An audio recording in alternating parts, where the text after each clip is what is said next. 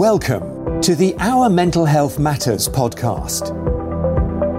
In this podcast, we talk about mental health matters and mind moments, which focus on mindset and workings of the mind. Introducing your host, Dr. Lade Abua, Specialist Registrar in Child and Adolescent Psychiatry, a medical doctor with a passion for mental health matters and children.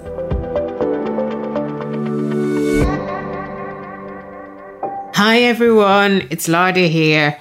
Um, welcome to our Mental Health Matters podcast. Uh, this is the final episode of Mind Blast that focuses on mindset. I'd had two previous episodes that talked about identifying mindsets, um, the difference between growth and um, fixed mindset, how to identify them, and you know what you can do about them. So for this final episode on um, mindset, I am going to start off with this quote by uh, Robert Collier, which says, There is nothing on earth that you cannot have once you have mentally accepted the fact that you can have it. Essentially, our thoughts become our reality. Um, what we think, what we think, what we believe with utmost conviction ultimately becomes what we manifest in our daily lives. Our thoughts determine to a large extent our outcomes in life. If we look at a cycle uh, called the cognitive triangle, um, it, it, shows us the cycle of um, ways things work with us. We it starts with our thoughts, uh, leading to emotions, and then ultimately uh, leading to our actions as well. Um, it is very simple. If we think of success and confidence, we ultimately start to feel confident and competent on taking things on, um, on what we can achieve, on what we can do. But if we persistently dwell on failure and making mistakes, our performances will be quite poor and ultimately we will fail. Um, so uh, it's the set of beliefs we have form our concept of ourselves, which literally is, you know, it's what we call our mindsets about, you know, different aspects and different areas of our lives. And there is a lot of proof that we act based on our thoughts, um, and our feelings. And, um, this essentially revolves around how we lead our lives, what we achieve with our lives, what we uh, what, what we act on, and the extent to which we can um, achieve successes in those areas.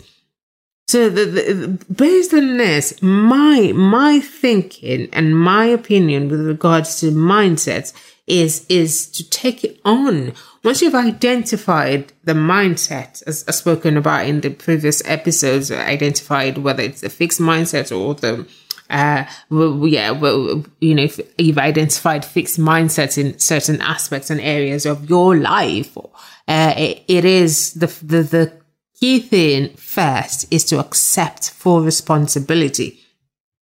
Now, the power to change your mindset or thoughts lies largely with you. It lies largely what you be, what you can do or what you do with it once you've identified it as the fixed mindset, once you've identified it as unhealthy and untrue. Um, and secondly, you have to commit to it. Like I said in one of the episodes before, it, it is a long journey. It's not something that's going to change overnight. It's not something that's going to um, you're going to have, you're going to think the right way today. Yes, I can do this. Yes, this is the wrong mindset to have. This is the wrong core beliefs to have regarding this area of my life, regarding my business, my marriage, uh, money management, whatever it is.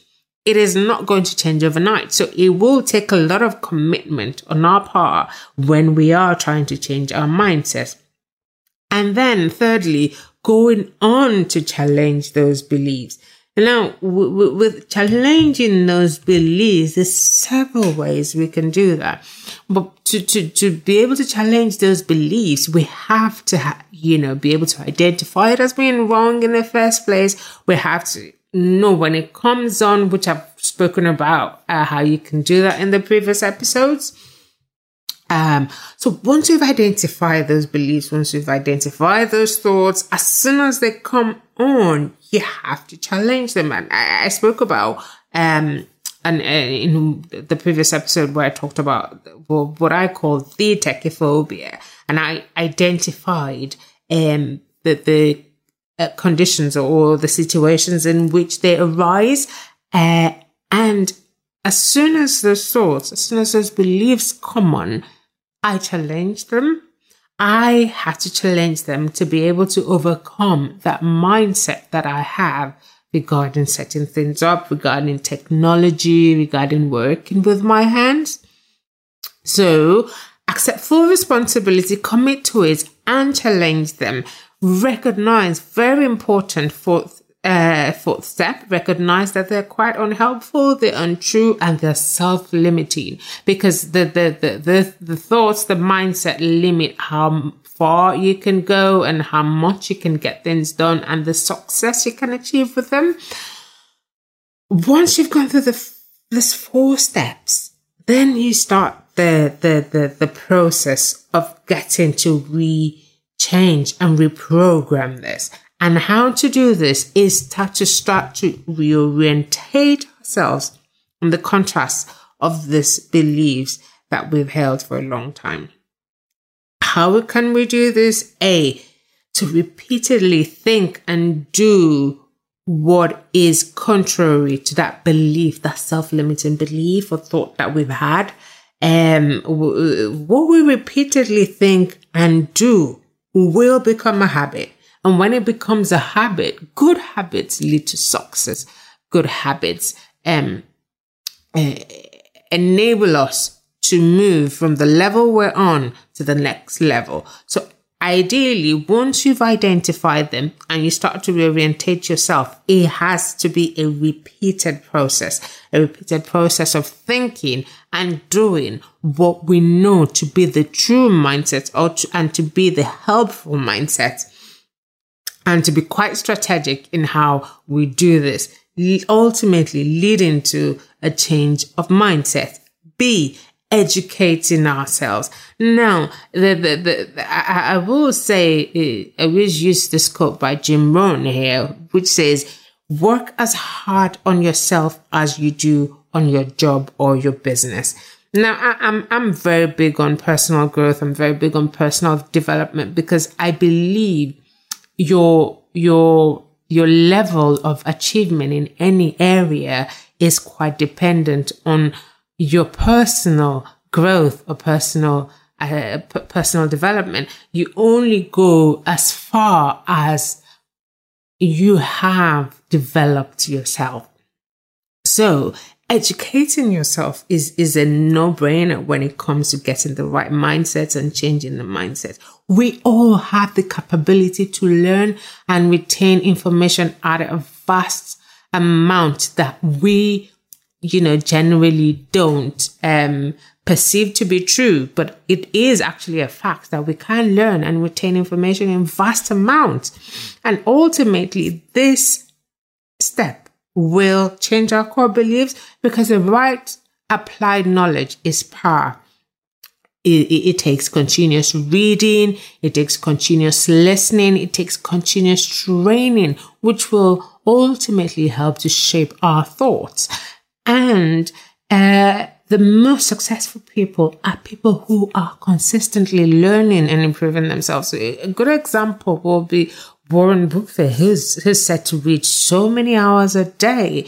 Um, also, essentially, I would say, well, he, he, he reads what, what, if I recall correctly, about five hours a day.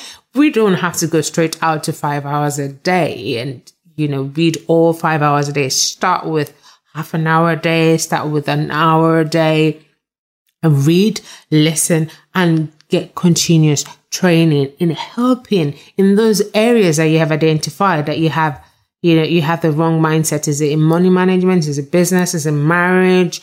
Is it um is it school work? Is it in in that particular area that you have identified as having uh, the wrong mindset uh, uh, with with yourself And finally, uh, choosing the right role models. Now, choosing the right role models that have achieved things contrary to the self-limiting thoughts and mindset. This has a huge uh, impact in terms of motivation and inspiration.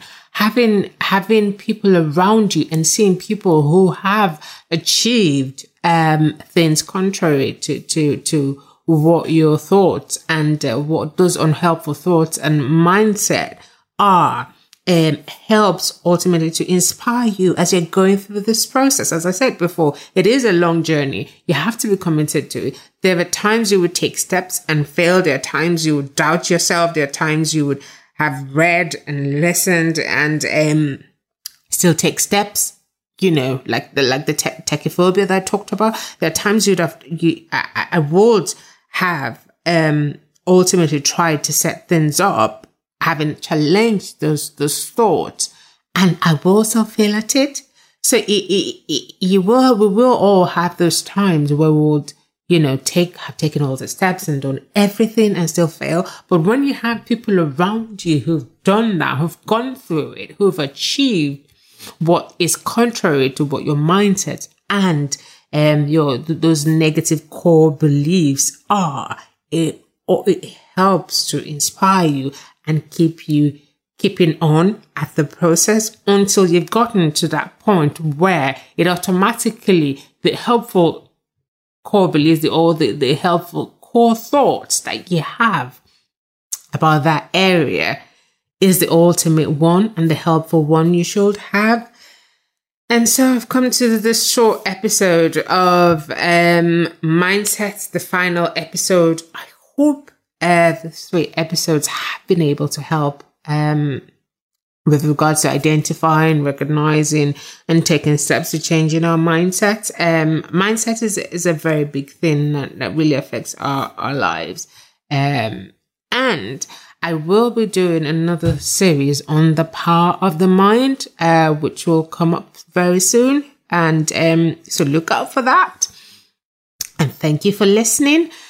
And remember, empower your mind, empower your life. Goodbye. Thanks for listening to the Our Mental Health Matters podcast. You can follow me on Twitter at Omaledamaka. Until next time, Empower your mind.